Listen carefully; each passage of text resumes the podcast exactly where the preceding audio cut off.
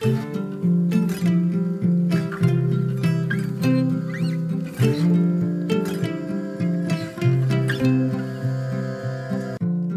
och välkommen till For Health med Anna Sparre.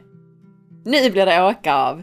Idag pratar vi med Magnesium Man, enormt populäre och något kontroversielle Morley Robbins. Det blir fyra hela avsnitt med Morley eftersom vi haft så mycket att prata om. Avsnitten är fristående, men du får bara inte missa detta. Kanske särskilt kommande avsnitt med Morley. Morley har blivit något av en internationell expert på våra viktiga mineraler och hur de funkar i vår kropp. Första avsnittet idag handlar om magnesium och hur det fungerar i kroppen. Du får konkreta rekommendationer och spännande förklaringar till hur saker hänger ihop.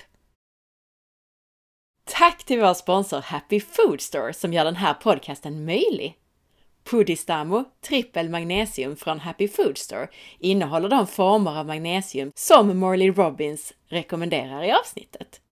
I detta magnesiumtillskott finns tre effektiva former av magnesium. Magnesiummalat, magnesiumglycinat och magnesiumtaurat. Trippelmagnesium är helt fritt från tillsats och fyllnadsämnen. Gå till happyfoodstore.se. I den här versionen av intervjun finns det svenska sammanfattningar. Vill du hellre lyssna på den helengelska intervjun utan översättningar så lyssna på avsnitt 218b. Om du gillar den här intervjun så blir jag så himla glad om du vill dela med dig av den på Facebook, Instagram eller till en vän. Och gå in och lämna en recension i iTunes. Det är det som avgör om jag kan få hit intressanta intervjupersoner som Morley. Tack på förhand! Missa inte att boka mig som föreläsare, till exempel till ett event eller företag och ladda ner mina e-böcker under fliken böcker på forhealth.se. Det finns fem böcker om kost, rörelse, livsstil, tarmhälsa och om att äta sig frisk. forhealth.se böcker.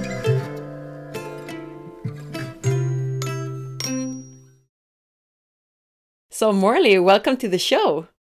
Well, thanks for having me. I'm looking forward to it. Please start by letting us know about yourself and your background. Well, I'm a, um, I affectionately refer to myself as a pre med retread. Um, I had designs of going to medical school, but the system thought differently of that. And so I, I did what a lot of people do, which is go into hospital management when they don't get into medical school. So if you can't be a doctor, then boss them around. That isn't that the that's a great great comeback. so I did I did that for 12 years as an executive and then 20 years as a consultant. And I knew there was something wrong, but I didn't know what it was. And so about 10 years ago, almost exactly 10 years ago, um, I decided to take training to become a wellness coach. And I did a one of my last assignments as a consultant was to do a forecast of the, the chronic disease in the United States. And this was the time period was 2008, and I was projecting out to 2025. And so we're right on the cusp of that now. And what we're witnessing is exactly what I had predicted, which is this out of control incidence of chronic disease. And that led me to decide I can't stay on the sidelines any longer. But there were two questions that really drove my research. Only two questions. One was, why is everyone so sick? And the second, how is it possible to have anemia on a planet with a 36% of its composition being iron? That made no sense to me at all. So the number one element on planet Earth is iron, and people don't have it, and that that just didn't make any sense to me. So that set off a, a decade-long uh, journey of, of daily research, seven days a week. I spend the first two and a half to three hours in the morning reading journals. I've read thousands and thousands of journals Um, and what your listeners may be surprised to find out is that doctors don't read journals. They're too busy. They really don't. And that's that should be that's the first clue that that's where the problem is. They don't read journals. They they learn what they learned in in whatever doctor school they went to, whether they're a naturopath or osteopath or allopath or whatever, but but they don't know how the body works. And so I set out de novo to say, well, how does the body work? And as as one of my um, trainees, but now good friends, Ben Edwards, uh, who he's a physician here in the states, and we did a video series together. He said, Morley, it's actually a blessing that you didn't go to medical school. And I said, Why is that, Ben? He said, Because you didn't get indoctrinated. And so I have no preconceived bias or preconceived filter. I just approach it like a child. Gee, why is everyone so sick? And I've learned a lot of things along the way, but I think what is surprising to most people is that when all the dust settles with my research, there really is an on switch and there really is an off switch. And the on switch is bioavailable copper, and the off switch is too much uncirculated iron stuck in the tissues. And I'm sure we'll talk about both of those issues, but that's been my my journey and I've developed Facebook group about 6 years ago. It's got 170 some thousand people. Got a, a website that offers the solution and then I've got a um, institute, a, a, training institute called the Copernican Institute that trains uh, both the public and practitioners on all of these principles. Thank you so much for that presentation of yourself and already some interesting facts about copper and iron there. And I think, I mean, as you said, we will get into that, but let's see how much we cover today and how much we will cover in the next interview. That sounds great.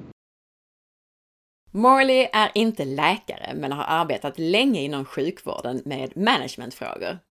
En av hans sista uppgifter inom branschen var att göra en prognos för kronisk sjukdom i USA.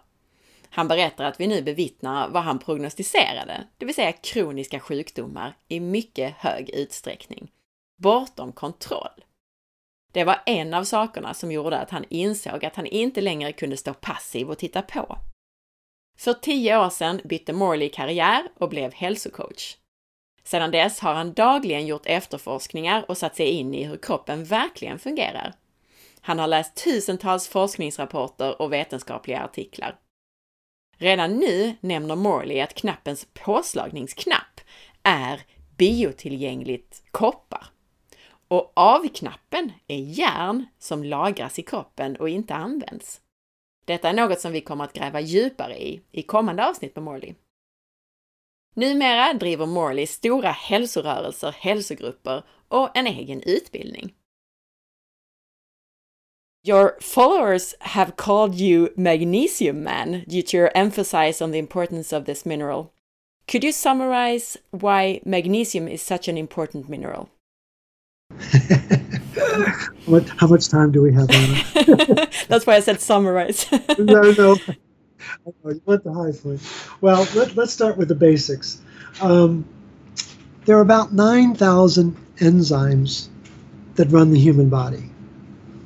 The, the human body does not run on hormones, despite all of the, the PR that they do, because every hormone is made from an enzyme. And every enzyme requires a mineral catalyst to make it work. So we've got 9,000 enzymes, and they all work just like the cars we drive. So here's an important question for you and your listeners. When was the last time you drove a car without a key? Yeah, never. unless you're unless you're Wilma Flintstone or Fred Flintstone, it's very hard to do that. And of course, some people like say, "Well, I don't need to put it. I don't have an ignition." I said, "Yes, but you can't push the button unless the key's inside the car." And then they go sheepishly, "Oh yeah, you're right. Okay." So we got to have those mineral keys. They're very, very important. And we also live in a very stressful society. You know, you beyond just the stress of of life in 2019, you live in the northern climate where there's a lot of darkness. And that could, I would think that would get pretty depressing, at least it would for me, because I live in Louisiana where there's almost too much sunshine. But there's there's regional stress to where we live. But but all of this stress combined pays a price. It's called the magnesium burn rate. Every stressor in our life causes magnesium loss. And so, what's significant is to understand that there's 3,752 enzymes that run on the basis of magnesium status. So then, when you're under stress, that's about 42% of your metabolism that's getting wobbly.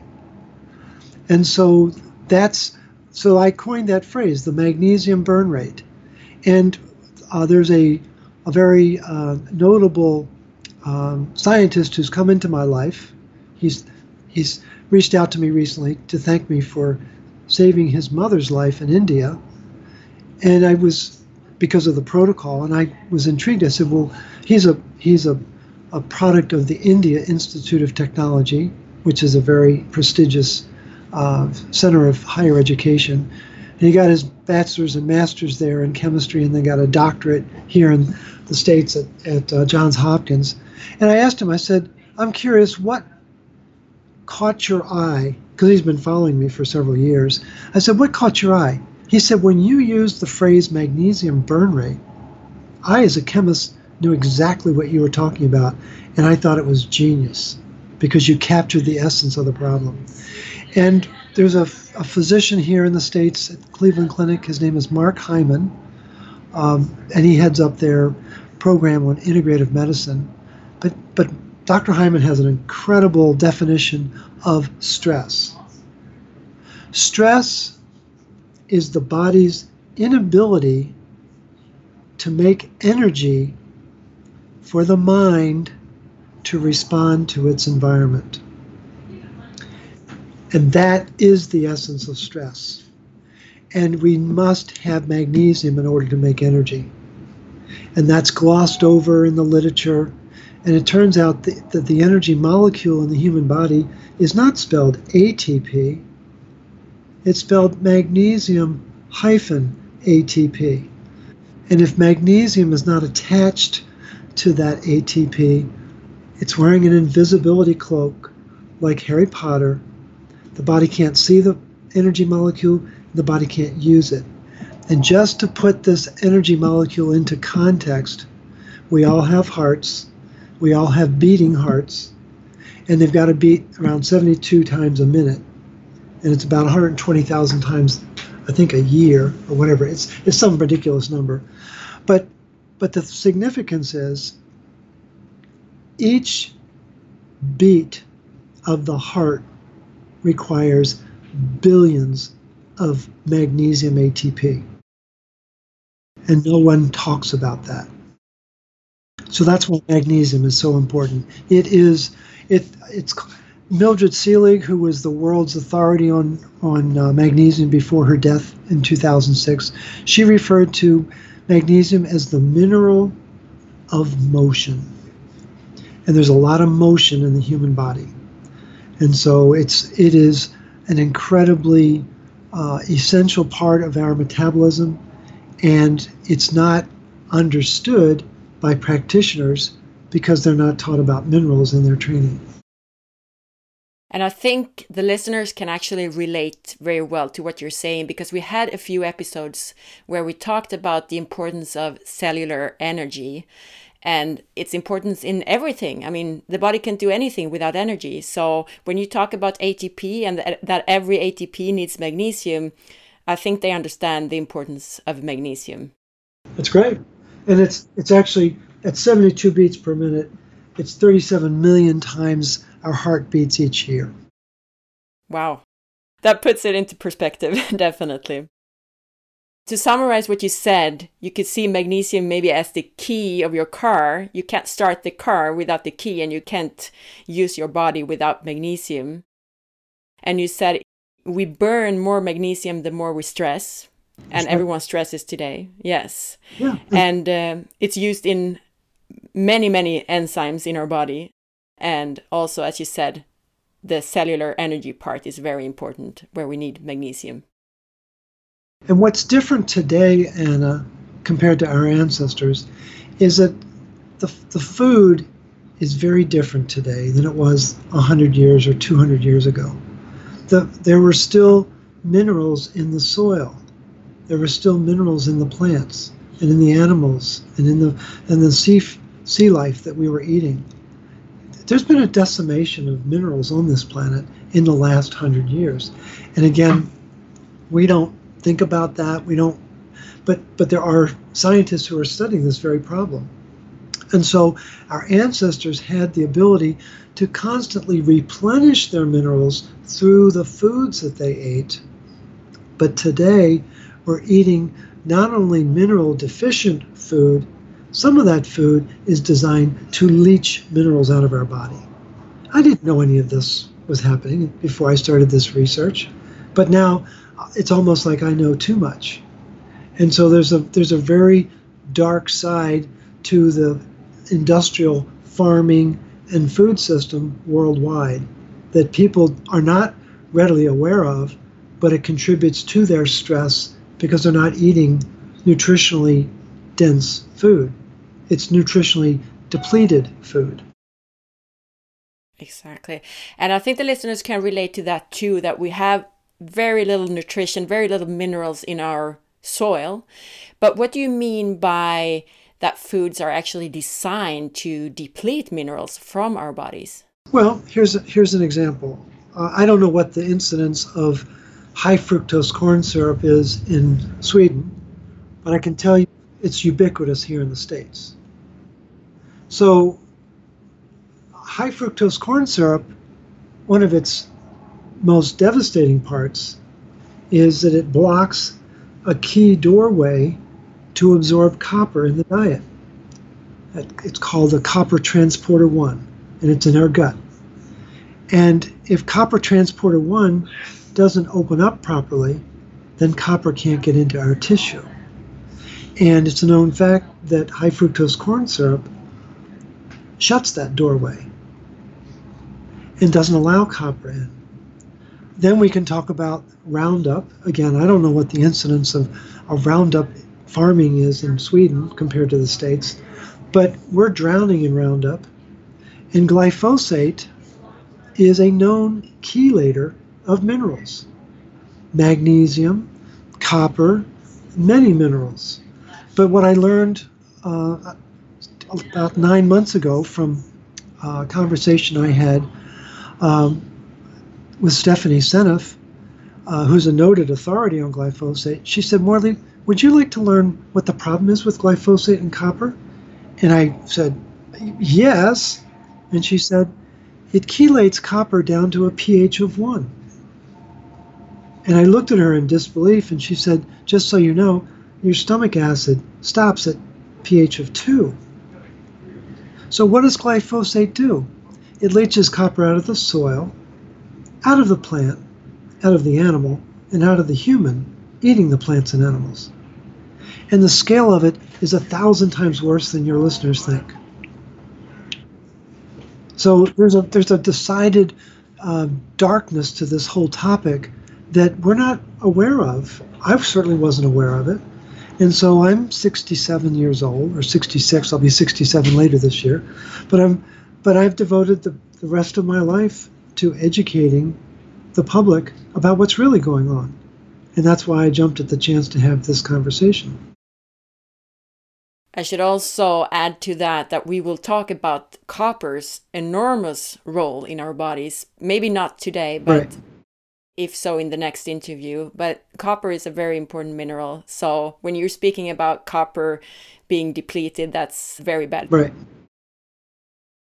Morley kallas även Magnesium Man på grund av sitt fokus på hur viktigt magnesium är för oss. Magnesium behövs för 42% av kroppens 9000 enzymer. Varje enzymaktivitet kräver mineraler. Stress bränner magnesium. Alla sorters stressorer, oavsett sort, gör att vi förlorar magnesium och därmed förlorar enzymernas aktivitet. Morley kallar det här för magnesium burn rate. Han nämner ett citat som vi får översätta ungefär så här. Stress är kroppens oförmåga att skapa energi för hjärnan att kunna svara på sin omgivning. Och vi måste ha magnesium för att skapa energi. Energimolekylen som vi pratat om i tidigare avsnitt heter egentligen inte ATP, utan magnesium-ATP. Om inte magnesium sitter kopplat till ATP så kommer den här energimolekylen inte att vara användbar. Maten är annorlunda idag än tidigare under människans historia. Vår mat är utarmad på mineraler idag. Idag äter vi inte bara mineralfattig mat. En del mat kan till och med accelerera förloppet så att vi utarmar kroppens mineralförråd. Mat som innehåller high fructose corn syrup kan till exempel blockera upptaget av koppar från maten. Och koppars viktiga roll i våra kroppar kommer vi att prata om i kommande avsnitt med Morley. Besprutningsmedlet Roundup som finns i mycket mat, glyfosat alltså, kelerar alla möjliga mineraler och utarmar både maten vi äter och kroppen på mineraler. What about magnesium supplements? What's your recommendations regarding supplements? Which forms of magnesium are the most efficient ones, for example? No, that's a great, great question. And let me just point out how embarrassing it is, Anna. I, I talk to clients all over the world. I've got clients in like 45 countries. And it's always frustrating for me to be talking to someone like yourself. You can probably speak four or five languages, and your English is better than mine. It's just like, oh my gosh, and I speak one language. So like, uh, That's very kind. I, I, always feel like I'm stuttering no, when I'm interviewing in English. no, let's just don't go Swedish on me, okay? Because then we're. But um, promise. But um, I like to get magnesium four different ways, and I encourage clients to do the same. Um, the, the, again, it's all about bioavailability. Well, one of the most bioavailable forms of magnesium is mineral rich, mineral rich water. You know, and you can buy it. You know, actually, the the most magnesium rich water on the planet is in Poland, believe it or not. I, you know, I know it's more than a day's drive from from Sweden, but there may be, in fact, um, retailers that would sell it. I'm sure there, that's an option, but there are ways to make uh, water, mineral water, into magnesium-rich water. So that's always a good form. Um, magnesium in the water is very, uh, it's um, it's called ionic. It's the most available form of magnesium, and it's very powerful. Here in the states, we have a, a form of water called Noah's water, like the Bible, Noah's Noah's water. It's actually bottled uh, in California, and what's interesting is 60% of the volume of that water is purchased by the Japanese. Why? Because they know how important magnesium rich water is. So that's an important source for, for magnesium. Second is uh, the diet, you know, getting ma- magnesium rich foods, and there are many. Uh, again, I'm not intimately familiar with the, uh, the, the ancestral diet of Sweden, but I'm confident that there were sources of magnesium in that diet, and I would encourage people to go out and buy a hundred year old cookbook and see what their ancestors were eating back then. Uh, but leafy greens is a very noted source. Uh, licorice root, another rich source of, of um, magnesium. Uh, there are many different foods that have magnesium in them. If it's green, it's a pretty safe bet that there's magnesium but there are some exceptions, but that's usually a, a good rule of thumb. A third source is um, baths, either foot baths or a full bath. Uh, and I'm a firm believer in regular baths uh, with magnesium, and I alternate between Epsom salts, which is magnesium sulfate, or magnesium chloride oil, which isn't really an oil, but it feels like one. But um, don't ever put them together but they make a wonderful addition to a bath because they are the body absorbs these minerals through our skin you know and, and there's all sorts of doubting Thomases out there, but there's too much evidence that, that they do, in fact, uh, restore magnesium status uh, through those baths. And then the fourth way, of course, what you were alluding to was supplements. And um, there are about 25 different forms of magnesium out there, different chelated forms. Uh, chelation means it's Greek for claw. And so there's a protein holding on to that magnesium. And so um, some very bioavailable forms of the chelated magnesiums would be magnesium malate, which is my personal favorite. I've been using a form of magnesium malate for about eight eight years, uh, and magnesium glycinate is another form. Magnesium orotate is a very popular form in Europe.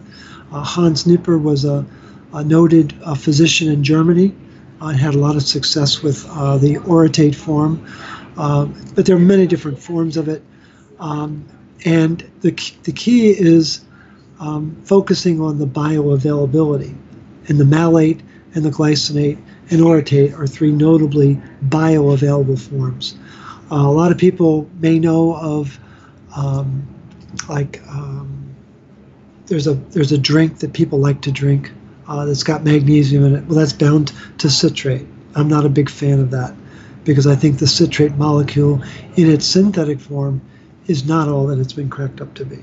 But that's a point of possible controversy and static, but I just I steer away from things that have uncertainty around them and go for the things that are have been proven to work. That was actually a follow up question of mine about magnesium citrate because it has been shown in some studies that to be absorbed well, but I know you're not a very big fan of it, so why is that? Well, I think the question is um, is the magnesium absorbed? Yes or no? But is there a price to pay for that absorption? And the citrate molecule is very disruptive to the, the mothership protein in the human body is called ceruloplasmin. And there's there is evidence that citrate doesn't play nice with ceruloplasmin, but there are many elements in our environment that do that. So what I, I really just try to keep it simple. Minimize exposure to chemicals and elements that have been shown in research studies to disrupt that protein. One of them is ascorbic acid. Well, I don't I don't need a lot of research to figure out why ascorbic acid is so disruptive to the ceruloplasmin protein. I've seen it in the literature with uh, Percival and Harris. They did three separate studies looking at that very dynamic, and, and they were studying ways to release copper from ceruloplasmin for cancer treatment, which made no sense at all, but that's what their focus was. This is back in the 1999, 2000, 2001 timeframe. So I think it's it's a very popular form, but popular does not mean it's bioavailable or effective. And I think we have to be much more scrutinizing with the nutrients that we're taking, particularly in the modern era, where there is the, the vast majority of supplement companies are owned by big pharma. Not, a lot of people know that, but the, the overwhelming majority of companies, of supplement companies, are owned by big pharma. And what's their economic incentive to solve a problem with a supplement when they're trying to make money selling drugs? Well, there is no incentive. And so I think there's a lot of uncertainty about the supplements that people have been using that they were not aware of. And I will add to the listeners too that we will talk more about ceruloplasmin, but very short. I guess you could say that it's important for energy production, oxygen transportation, and so on, right? Well, I've I've now got a list of 15 different enzyme functions that are made possible only through the ceruloplasmin protein. So um, I don't know whether you're whether you all follow the Olympics but one of the events that I've always been fascinated by is a decathlon. You know, one athlete that can do 10 completely different events. Because it's one thing to throw a javelin, it's another thing to do hurdles, it's another thing to win a foot race. And so it turns out that ceruloplasmin is the decathlete that regulates our body. So that'll be a, we'll, we'll use that as a seed to bring people back for the conversation when we get back together. Perfect.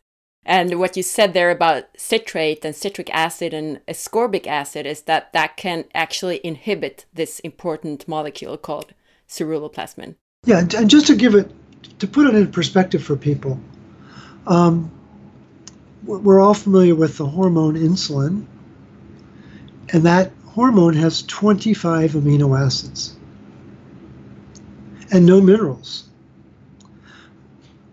But the protein ceruloplasmin, when it was first discovered by two Swedish physiologists, Holmberg and Laurell, in 1941, and there's a legacy of, of studies that they did through the 40s and 50s, they thought they had discovered the Holy Grail because ceruloplasmin has 1,066 amino acids, and when they discovered it, it had eight copper atoms.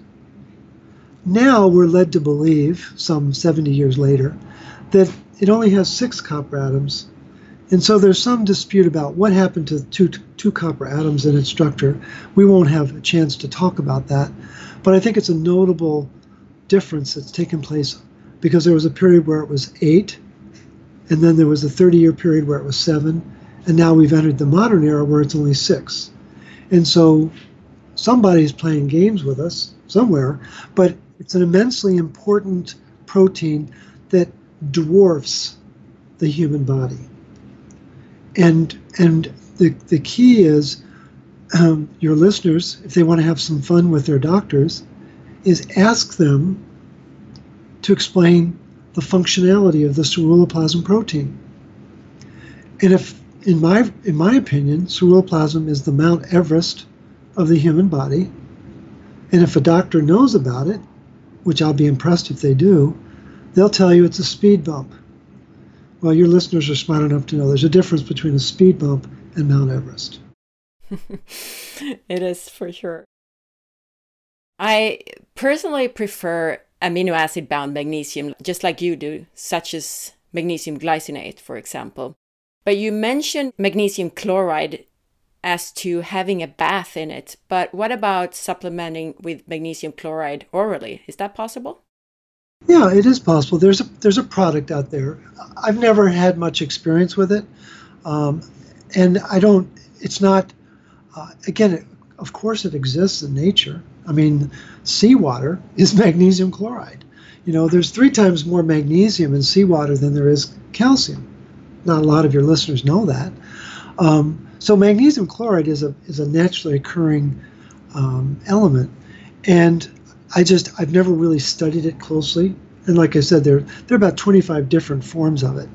Um, I've just gravitated to the ones that seem to have uh, very good and responsive absorption in the body. And magnesium chloride could be right up there. I just have never read anything about it. So that's my that's my loss. But that explains why it's so good to have a bath in it and why I feel so good from surfing. Yeah. Yeah, no, absolutely. I mean, it's again, it's a primal um, element on this planet. Magnesium chloride. Oh my gosh, you know. And so, um, exposing our sun, and again, the the the surface area of the skin is enormous, as you know. Well, that's that's a lot of places where the where the ions can get absorbed, and that's very beneficial, especially if the water is hot, because then the pores open and then the ions can get inside. The ionic magnesium, as you mentioned, is that possible to buy in a concentrated form as a supplement? Oh yeah, there are many different companies. There's um, uh, and I don't, I'm not familiar with the ones in Europe, so forgive me, but there certainly are several here in the states that ship all over the world. You know, um, um, Mineral Research Institute and um, and there are just there are quite a few companies out there, and all people would have to do is go to iHealth or I, iHerb, excuse me, iHerb, and just look up uh, mineral concentrates, and you're going to see a variety of manufacturers. I know we have some mineral drops in Sweden. They're just called mineral drops, I think, and they're sort of extracted from uh, the Great Lake of Utah or something like that. Is that that, or is yeah, it? Yeah. yeah. And you've you've got that. Uh, there's a there's a um, group out of Australia off the coast of Perth, and they have a company called Sea Mineral, S-E-A Mineral Singular.com, and it's a they've got 92 minerals in their in their form. Uh, so there are different manufacturers around the world, and I know there's um, uh, there's a company based out of the Zekian Sea uh, that's very popular, and that might be yet another source of, of the minerals as well. Morley rekommenderar fyra sätt att få i sig magnesium. Ett av de mest biotillgängliga sätten att få i sig magnesium på är mineralrikt vatten. Magnesium i jonform, ionic magnesium, är nämligen mycket biotillgängligt. Det andra sättet som är viktigt att få i sig magnesium på är själva maten. Morley poängterar att en evolutionär kost är viktig. Inte minst gröna grönsaker och lakritsrot är bra magnesiumkällor. Att ta magnesiumbad eller fotbad med magnesiumklorid eller Epsomsalt, magnesiumsulfat, är ytterligare ett sätt att få magnesium på. Och gärna i varmt vatten. Magnesiumtillskott är biotillgängliga om de är i kelerad form, såsom formerna magnesiumglycinat, magnesiummallat eller magnesiumorotat. Morley gillar inte magnesiumcitrat eftersom citratmolekylen i sig kan ifrågasättas. Den kan förstöra för ett mycket viktigt kopparinnehållande protein i kroppen som kallas för ceruloplasmin, som är viktigt för att vi ska kunna transportera syre och producera energi. Han nämner också askorbinsyra och citronsyra i det här sammanhanget, vilka också bör ifrågasättas av samma anledning och som vi kommer att prata mer om. I've heard you say that magnesium is the only mineral that can be supplemented to optimize the levels in your body. But aren't there any adverse reactions to taking high doses of magnesium? Yeah, I think that's a fair question. Um, again, going back to the idea of, of our stress levels and our incessant magnesium burn rate, um, people can get they're like they're like dry plants and if you've ever had experience with a dry plant, you know not to water it. You put it in a tub and let it soak up the water from the, the bottom up. Well, what can happen in someone who is a dry plant, uh, they take magnesium and it might cause them to get diarrhea. Uh, the other the other known side effect is that the adrenals, which sit on top of our kidneys, that's what adrenal means, add on top of renal, the kidney kidney organ. So adrenals are ruled by the relationship of sodium to magnesium. So sodium divided by magnesium, that ratio is what dictates the vitality of the adrenals. Well, if you're a stress cadet, you're going to be burned out of both particularly your magnesium, but also your potassium. And so when you start to introduce a lot of magnesium, it's going to cause that ratio of sodium to magnesium to go south, which is going to cause you to get fatigued. So many people who have been stressed out and start to take magnesium, uh, they find that their adrenals get weakened, and what's important is to is to so support and nourish the adrenals and that's what the adrenal cocktail is about to bring um, a, a, spectrum of salts, particularly sodium, of course, uh, in, back into the body to bring more um, vitamin C, not ascorbic acid, but whole food vitamin C, because that's where 95% of the vitamin C in the human body is stored in the adrenals, and to bring more fat uh, again, uh, Tom Cowan, who's a noted physician here in the States, he refers to uh, adrenal fatigue as fat deficiency syndrome. And so, uh, very important to have fat, particularly retinol, which has a profound relationship with copper. And then the, the nutrient that people seem to like the least is vitamin Z, and that's another way of saying sleep. And so people need to support their adrenals by having regular and optimal amounts of sleep in their daily routine. And it's very challenging at times in today's society, given the work demands that we have or the family demands that we have. And then we have the added distraction of all the devices that we play with, all of which uh, keep us from getting enough sleep. And that's a very important part of the puzzle. So, what you're saying is that that if we increase magnesium, we should also increase potassium, sodium, and whole foods, vitamin C, as well as sleep. Exactly. Yeah. The, the adrenals need to be kept in optimal um, balance, and you can do it with diet, but you can also do it with specific targeted uh, mineral supplementation, and the body responds beautifully to that. So, if we increase magnesium, if we take magnesium supplements, do we increase the secretion of any other like potassium for example? I heard someone saying that if we it may increase your need for potassium since it increases secretion of potassium. Is that true?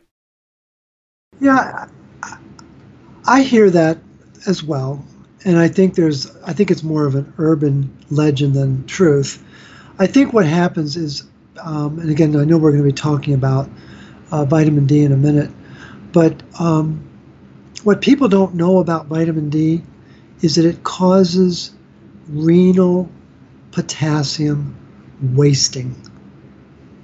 And so, what does that mean? It means that when you ingest synthetic supplements of vitamin D, it accelerates the loss of potassium in our body. And I think people are confusing these pathways, and uh, and I understand why they would be confused because there's a lot of of um, disinformation on the internet. But uh, truth be known, the balance of sodium and potassium in the human body is regulated by a pump. And it's called the sodium potassium ATP ACE pump. And that regulates the amount of sodium in the cell and regulates the amount of potassium out of the cell. And that, that pump must have magnesium. So that when you're taking magnesium, it's enabling magnesium ATP to be running that pump. So, this idea of taking magnesium causing potassium loss makes no physiological sense. So, I don't know where that where that misunderstanding arose, but I don't see it and I think people need to be really thoughtful about is it the magnesium or is it the fact that I'm I'm uh, drowning my body in a supplement called vitamin D that is causing a lot of problems in my physiology that I'm not aware of.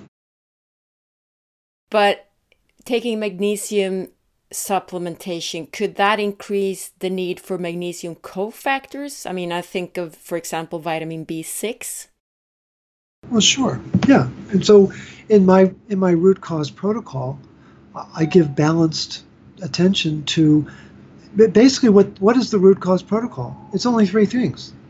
It's minerals, right? It's um, vitamins that Mother Nature would recognize, and it's nutrient dense food that our ancestors ate regularly. They didn't they didn't eat these things that come in a box. I mean, it's like the what people put in their mouth is frightening today compared to what our ancestors ate.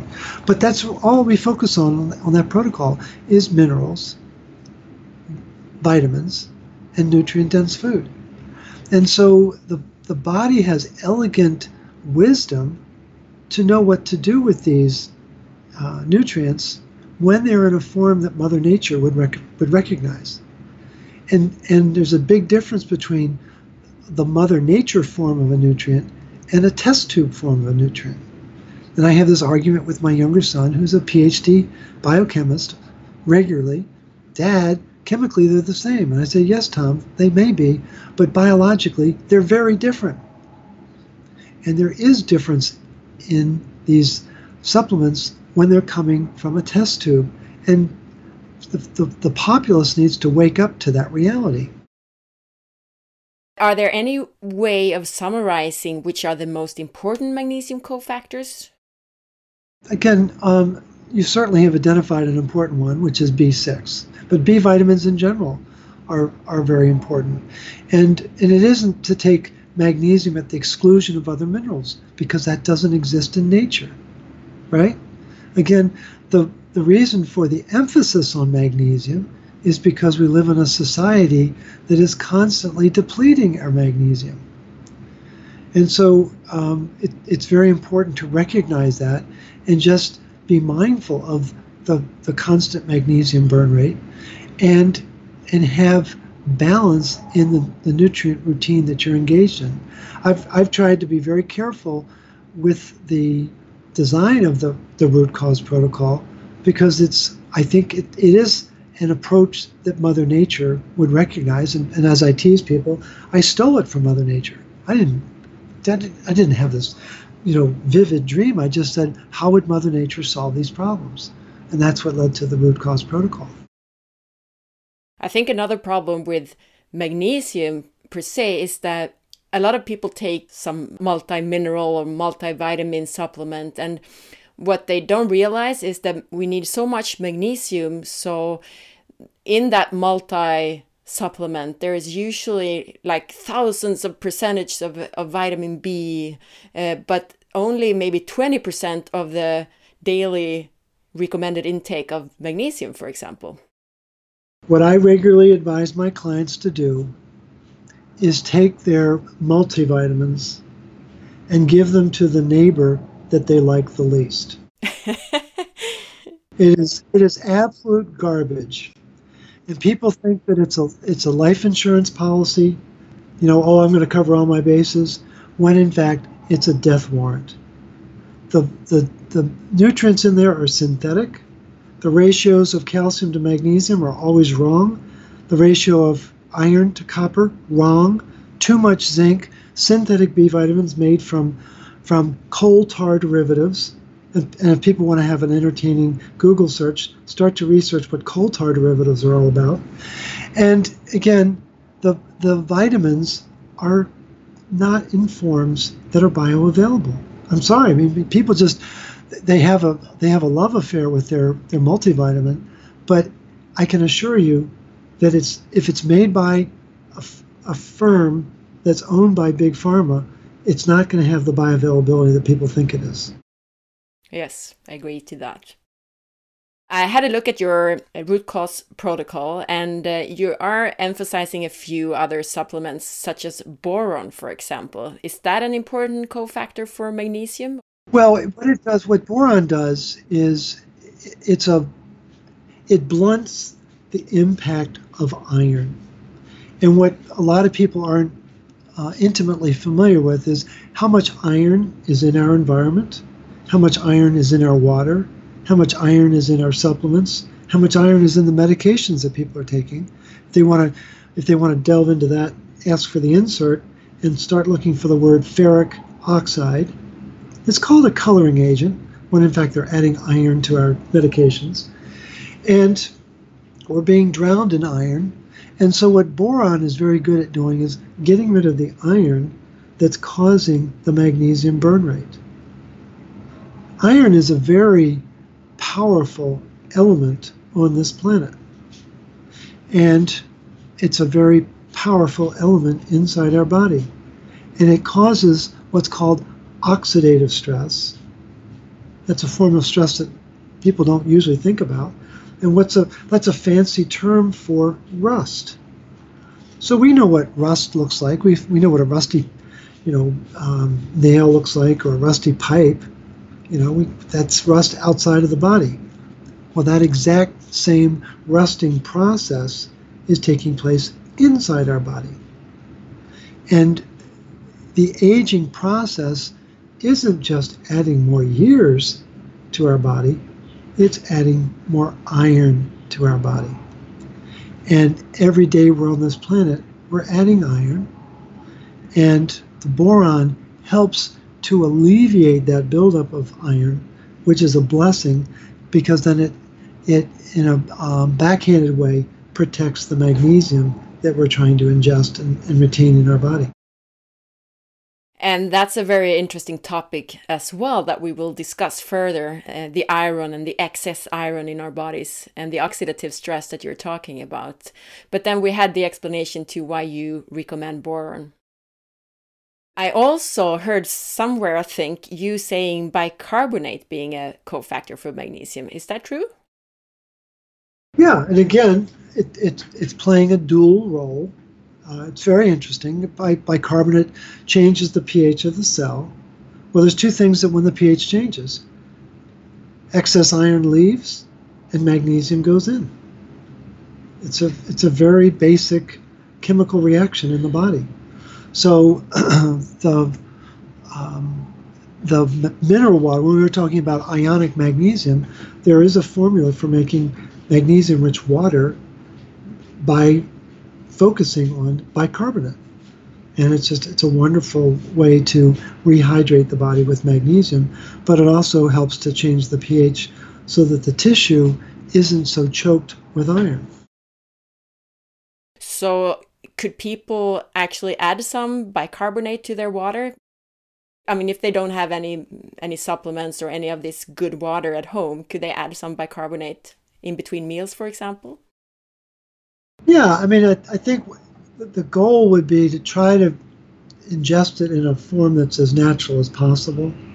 And so, again, when we're talking about those Polish waters, well, there's a lot of bicarbonate in that Polish water that has a lot of magnesium in it. You know, mineral rich springs have a, usually have a lot of bicarbonate. You know, you, you, you, you don't want to be drinking a lot of Perrier. Why? Because there's 47 parts calcium to one part magnesium in Perrier. That's that's called a heart attack in a bottle. so so you have to be you have to get beyond the marketing hype, begin to understand the mineral ratios that exist and it, it's not this is not intended to be an exhaustive study. It's just people need to get past the, the advertising and start asking better questions so they get better answers about what am i really eating? And what am i really getting in the way of nutrients that are going to sustain my health and well-being? And once you learn the basics then it becomes effortless. And that, that again that's the beauty of that root cause protocol is it begins to ground people in what is important to keep the flywheel of the metabolism working at optimal levels. Finns det några dåliga effekter av att ta mycket magnesium, till exempel i tillskottsform? Man kan bli lös i magen om man går för fort fram. Binjurarna styrs av relationen mellan natrium och magnesium. Kvoten mellan natrium och magnesium dikterar binjurarnas vitalitet. Vid stress bränner du inte bara magnesium utan även till exempel kalium. Om du börjar ta stora doser magnesium så kommer kvoten mellan natrium och magnesium att minska, vilket kan göra dig utmattad. Det är viktigt att ta hand om binjurarna även med andra mineraler och näringsämnen än just magnesium, såsom till exempel natrium, kalium och C-vitamin. I whole foods form, alltså i ska vi säga, riktig, äkta matform. Det mesta av kroppens vitamin C finns just i binjurarna. Att äta mer fett är också viktigt, inte minst för att få i sig fettlösliga vitaminer såsom retinol, A-vitamin. Och så slutligen nämner Morley vikten av vitamin Z, det vill säga sömn. Jag frågar om magnesium kan utöka utsöndringen av andra näringsämnen såsom kalium, Morley kontrar med att det är D-vitamintillskott som ger kaliumutsöndring. Den viktiga kalium-natriumpumpen i kroppen kräver i själva verket magnesium eftersom den kräver ATP. Det finns kofaktorer som samarbetar med magnesium i kroppen som kan vara viktiga, till exempel vitamin B6. Morley rekommenderar att få i sig i stort sett allt från riktig mat och inte från tillskott, B-vitaminer i allmänhet är viktiga kofaktorer och andra mineraler är också viktiga. Anledningen till fokus på just magnesium är det att vi bränner det snabbt på grund av stress. Morley avråder särskilt från multivitamintillskott. Vitaminerna är inte i biotillgänglig form och förhållandet mellan olika mineraler är fel. Bor är ett viktigt spårämne som trubbar av effekten av järn. Järn som ansamlas i kroppen är nämligen skadligt och även detta är något som vi kommer att prata mer om i kommande avsnitt. Bland annat så ökar ansamlat järn det som Morley kallar för just magnesium burn rate, alltså att vi bränner och förbrukar mer magnesium. Bikarbonat är ett intressant ämne som bland annat ändrar pH i cellen. Och det här har två fördelar. Överskott av järn lämnar medan magnesium kommer in. Great, and that leads us to our next question because you mentioned calcium. So I want to know your point of view when it comes to calcium supplementation. oh my, let's see, where to begin? Well, as a as a standing rule, I'm opposed to calcium supplementation. Why? Because it's in a form that's not uh, bioavailable. So most of the um, calcium that's sold in supplements is called calcium carbonate. We also know it as oyster shell. Okay? That's not a bioavailable form. The, the most bioavailable form of calcium is called calcium bicarbonate. Back to our friend bicarbonate, right? And it's reasonable for someone who has no chemistry education to think that it's a simple step to go from carbonate to bicarbonate. But it's not. There's actually 12 steps. 12 steps to turn carbonate into bicarbonate, and they, several of those steps require energy. So, why would I put a supplement in my mouth that's going to deplete my body of energy to try to get a form that I don't really need anyway? The, what people don't understand is that, that calcium, there, there's three calcium hormones that are very important to the human body. There's calcitonin, there's parathyroid hormone, and then there's hormone D, which is known as vitamin D, but it's not a vitamin, it's actually a hormone. All three of those hormones that regulate the levels and location of calcium depend on magnesium status. Let that sink in. So that by adding magnesium to your routine, you improve the bioavailability of your calcium because the body is using those hormones to make sure that it's moving and being used properly. It's very counterintuitive. And most people who take calcium have been told that they have osteopenia or osteoporosis. And so, what's important for people to understand is a very basic premise of iron. Iron is the only element on this planet that causes calcium loss in hard tissue and it goes on to cause calcium buildup in the soft tissue. What's calcium buildup in the soft tissue? We call that plaque in our hearts, in our arteries, in our brains, we, we also call it stiff joints. It's called arthritis. That's a calcium buildup. But it's caused by dysregulated iron. Most people don't know that. And so the calcium loss that's actually taking place in a person who has osteopenia or osteoporosis, it's caused by a key enzyme called acid phosphatase, which is activated by iron. And what's, what's its polar opposite is called alkaline phosphatase, which is what facilitates the formation of new bone. And alkaline phosphatase is activated by magnesium. there we go. Back to the dynamic of the, the fight between magnesium and iron is relentless in the body.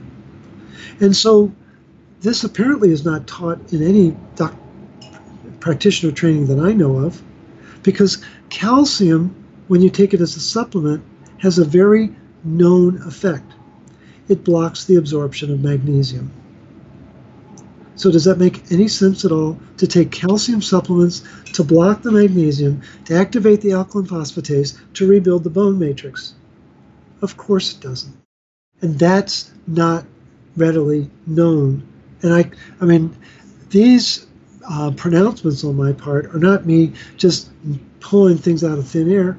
I've read thousands and thousands of articles that are telling the truth, but most people don't take the time to go to the source literature to see what Mildred Seelig had to say, or see what Burton and Bella Altura, who a husband and wife team here in the States, who've published over a thousand articles on magnesium and magnesium bioavailability.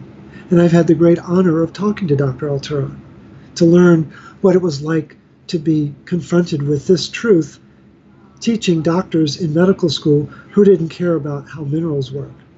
And so there's a lot of truth out there, but very little of it is found on the internet. Very little of it is found in the doctor's office. Very little of it is found in the pharmacies that people go to. And that's the value of this conversation, Anna, is at least you're willing to allow me to speak these truths.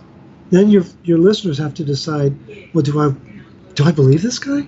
Gee, I wonder. All you got to do is go to my website, you know, rcp123.org, or go to the Magnesium Advocacy Group on Facebook, and just start sorting through what I've had to say and read. I've got 75 posts on iron toxicity, so that the, the guy who's called Magnesium Man only writes about iron. People should, people should ask themselves about that. Why? Wonder why he, he started a magnesium advocacy group? Wow. But he only writes about iron because iron kills magnesium in the human body. So I thought it would be good for people who want to have more magnesium to know that they need less iron in their body. what you said here is that iron actually pulls calcium from, for example, bones and makes it go into the soft tissues. That's but right. Supplementing with calcium, could that make that worse? Absolutely makes it worse. If people want if people want scientific proof, there's a research team in New Zealand. Their names are Reid R E I D and Bolland B O L L A N D and from 2010 to 2018, they've published a series of articles clearly proving the toxicity of calcium supplementation. Calcium supplements are a poison to the human body. They do not get absorbed properly and they block magnesium absorption, which is a very bad thing if you get around that sort of, you know, that the, it's the wrong form of calcium, if you take, for example, calcium malate, would that be better or it's just crap anyway? Well, no, I think I think the first question we have to ask is why does someone think they need to supplement with calcium?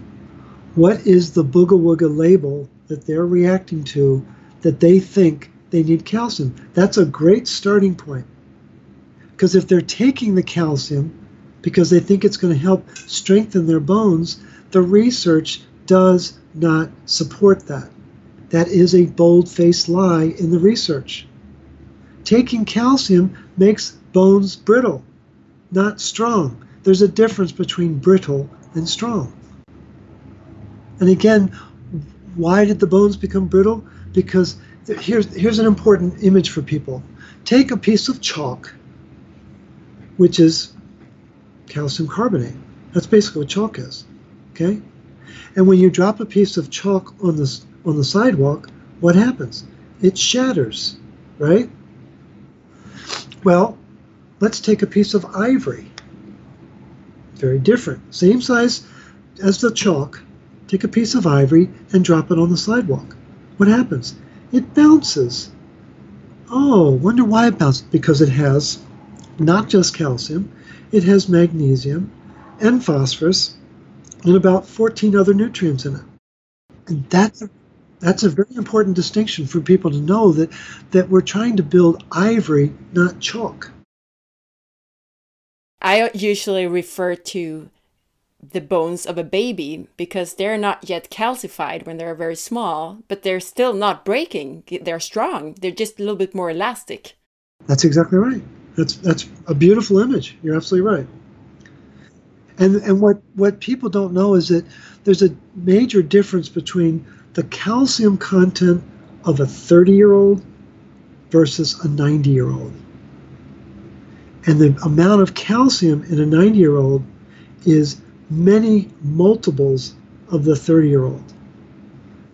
As we age, it isn't just iron that's building up in our body, it's calcium. And what's happening? As we age, the stress of life creeps in and the magnesium burn rate accelerates. So that when we're 16 and we break up with our boyfriend or our girlfriend, oh, it's the end of the world. But when, when we're in our 60s and our parents start to die, or we start to have serious illness, or the ones we love the most are starting to have serious illness, well, the magnesium burn rate is very different in your 60s than it is when you're 16. And that's the key is to recognize how can I manage and manage that magnesium burn rate and restore my minerals and nutrients to ensure optimal health.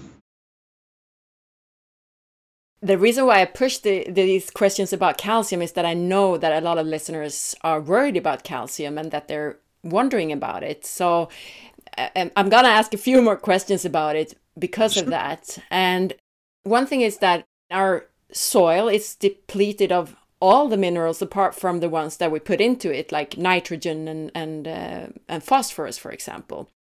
So, can the listeners be sure that they get enough calcium from their diet without supplementation, without dairy products, only by eating like ancestral foods?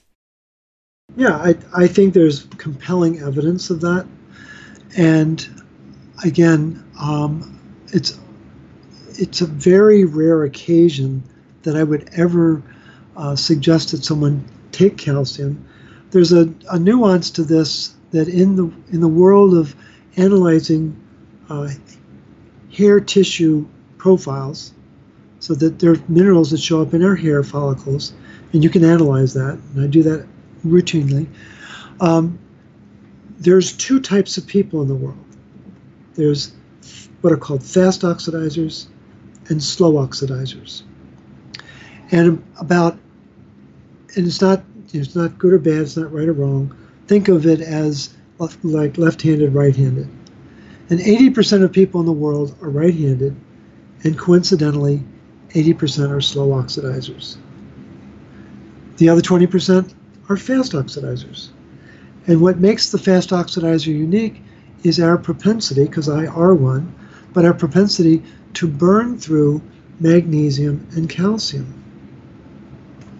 And so, on occasion, when I'm working with someone who is a fast oxidizer, I will recommend calcium, but only one form. It's called calcium lactate. That's step number 11 of changing calcium carbonate into calcium bicarbonate. And it's a very bioavailable form of calcium but I only recommend it in rare occasions for people who've had a hair analysis and I can show them why they might need to take it. The vast majority of your listeners are being browbeat by internet articles and by their physician and their neighbors and their loved ones that they need to take calcium to make their bones strong. I'm here to tell you that that recommendation is not based on science it's based on flawed physiology. And people, I would assume that people listening to this program are looking for nutritional truth, not just more pablum. And so the, the, the need that the body has for calcium is met in the diet, but it's especially met in a diet that knows how important a broad base of minerals are, especially magnesium, and recognizes that iron may not be what I need to be supplementing with, given the overwhelming research body that exists to prove that it causes a lot of problems. If the listeners have done a hair analysis, what should they be looking for? Is that is it the calcium levels in hair or is it anything else? Well, the typical hair analysis is going to have, um, you know, at least a dozen or more minerals profiled. Some have as many as 18. Um, and so what we're looking for is a balance in the overall profile, and we're looking for symmetry between certain um, mineral ratios so that there should be a, a, an appropriate balance between calcium and magnesium, sodium and potassium, looking for how the, the metals are expressing in the body, looking for, you know, is there any indication of a problem with heavy metals? Uh, there are a variety of factors that you can look at. Uh, I think people have been led to believe that that the the profile of mineral bars reveals some disease state, and they don't. What they reveal is the extent to which someone is st- stressed out or not. And there's a reference point that you look for for where the, the, the optimal level for each mineral, uh, and that those can all be calibrated so that they are in line with each other. And I can say with uh, conviction that I've done over 5,500 hair tests, and I've only seen one that I would even say was close to being perfect. Only one, but what will surprise your listeners is to find out that it was of a 95 year old woman who grew up on a farm in North Dakota. Who, if people know anything about it's, it's like growing up on a farm in, in uh, Sweden. It's cold and dark and all, but she had a perfect balance of minerals, and she had more energy than her 70 year old daughter who lived in Houston. So that became the standard for excellence, but it was a 95 year old woman. The saddest hair test I've ever seen was of a six month old infant done a little over a year ago, and I burst into tears when I saw it because I realized that, that this child did not have adequate minerals to drive those enzymes to keep the baby in balance. The reason why I'm asking about the hair analysis is that I know there are a lot of both health coaches and, and some doctors and also some persons who have done hair analysis on themselves. So if they're now wondering, like, I wonder if I'm one of those 20%, are there any examples of what they should be looking for? If they're fast oxidizers, I mean.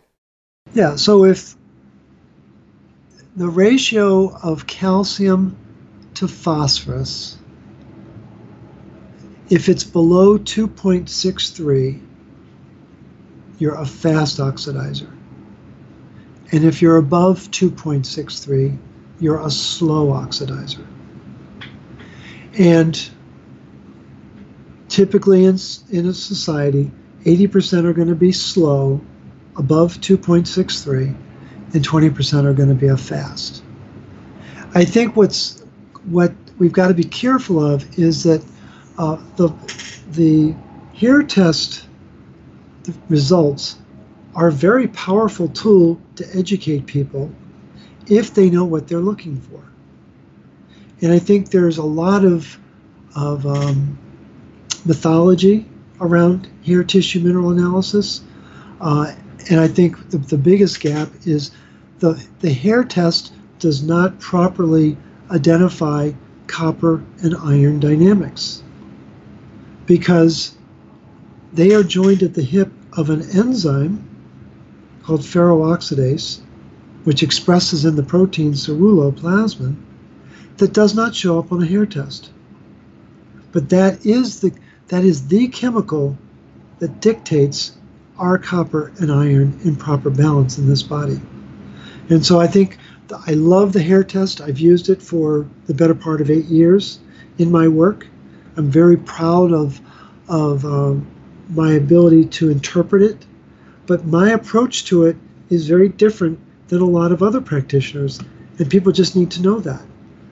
And I think there's there is a lot of of um, misinformation that's based on hair tests because the practitioners don't do the added step of doing blood work to find out what's really going on with metals and the ceruloplasmin protein in this person's body. And so I take a, a balanced view of both the hair test and the blood test to get to the truth of what's really going on in this person's body. Before leaving the question regarding calcium and bone health, could you say a few words about magnesium's role in bone health? I mentioned that uh, the, the, the, there's two types of uh, bone cells.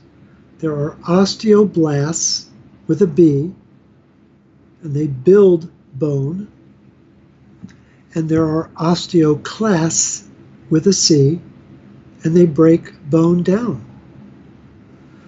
The, the bone builders work off an enzyme called alkaline phosphatase.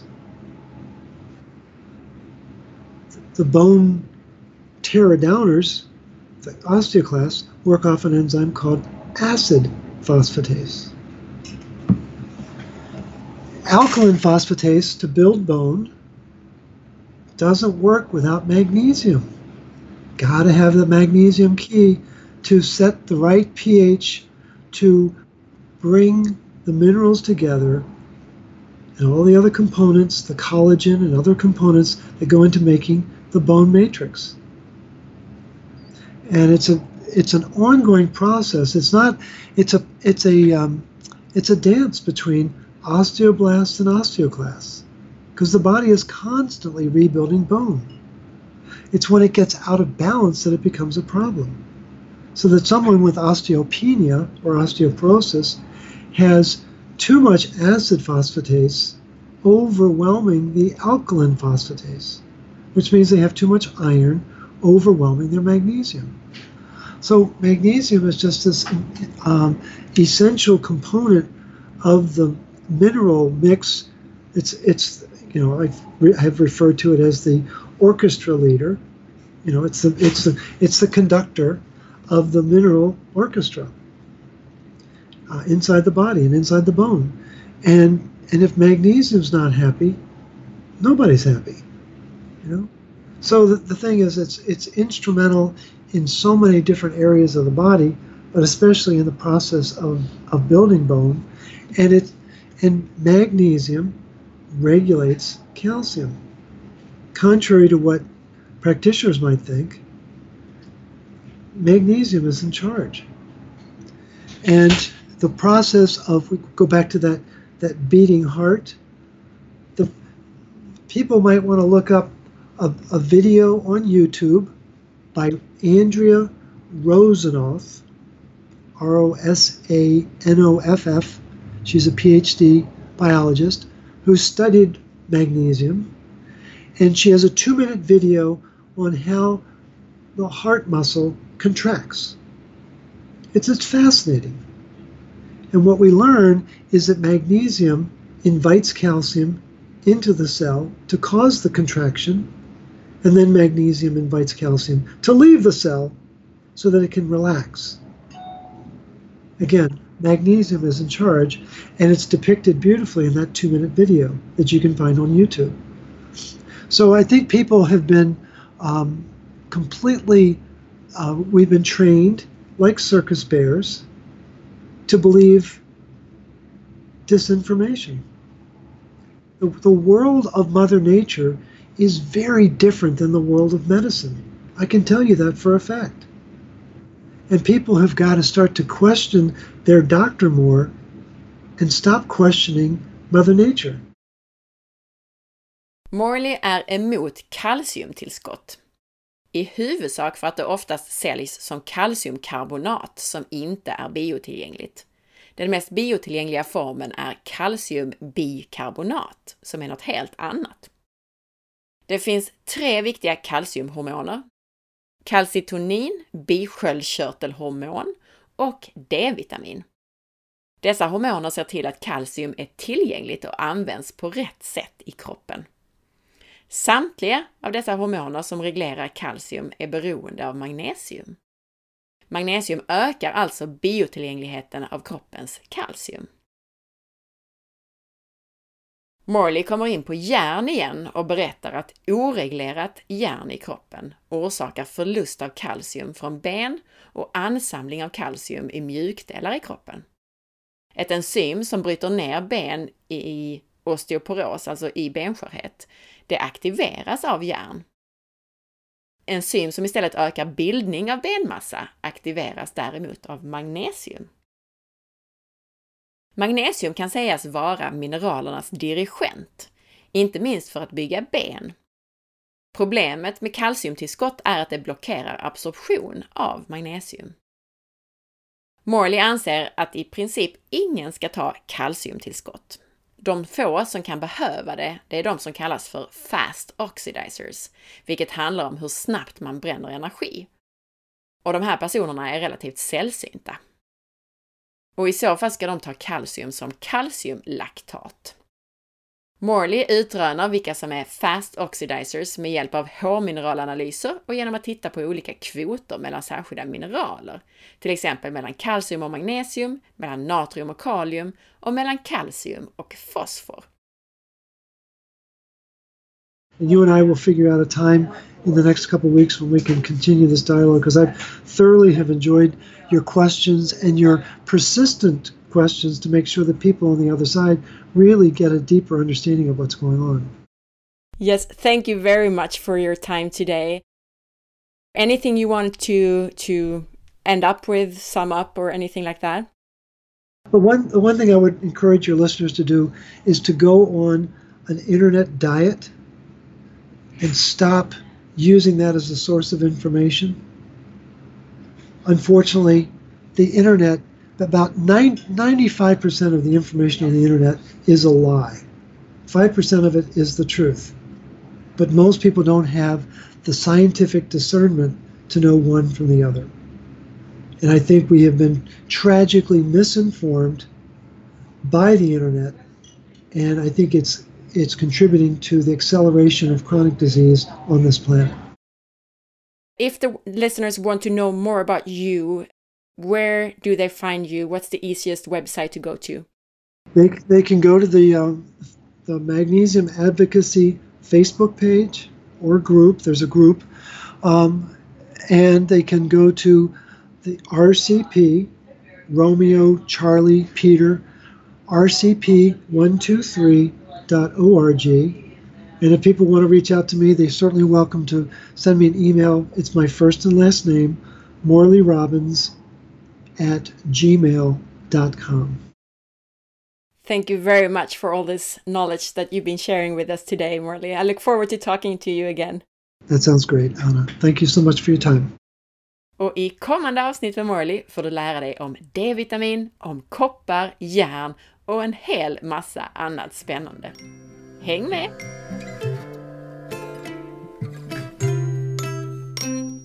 Tack för att du lyssnade! Jag hoppas att du gillade den här intervjun.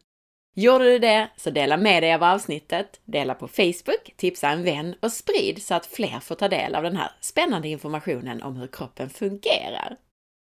Veckans recension i iTunes är från Katarina Eker som skriver Suveränt! Anna har en förmåga att göra det svåra enklare med sitt sätt att beskriva olika förklaringsmodeller.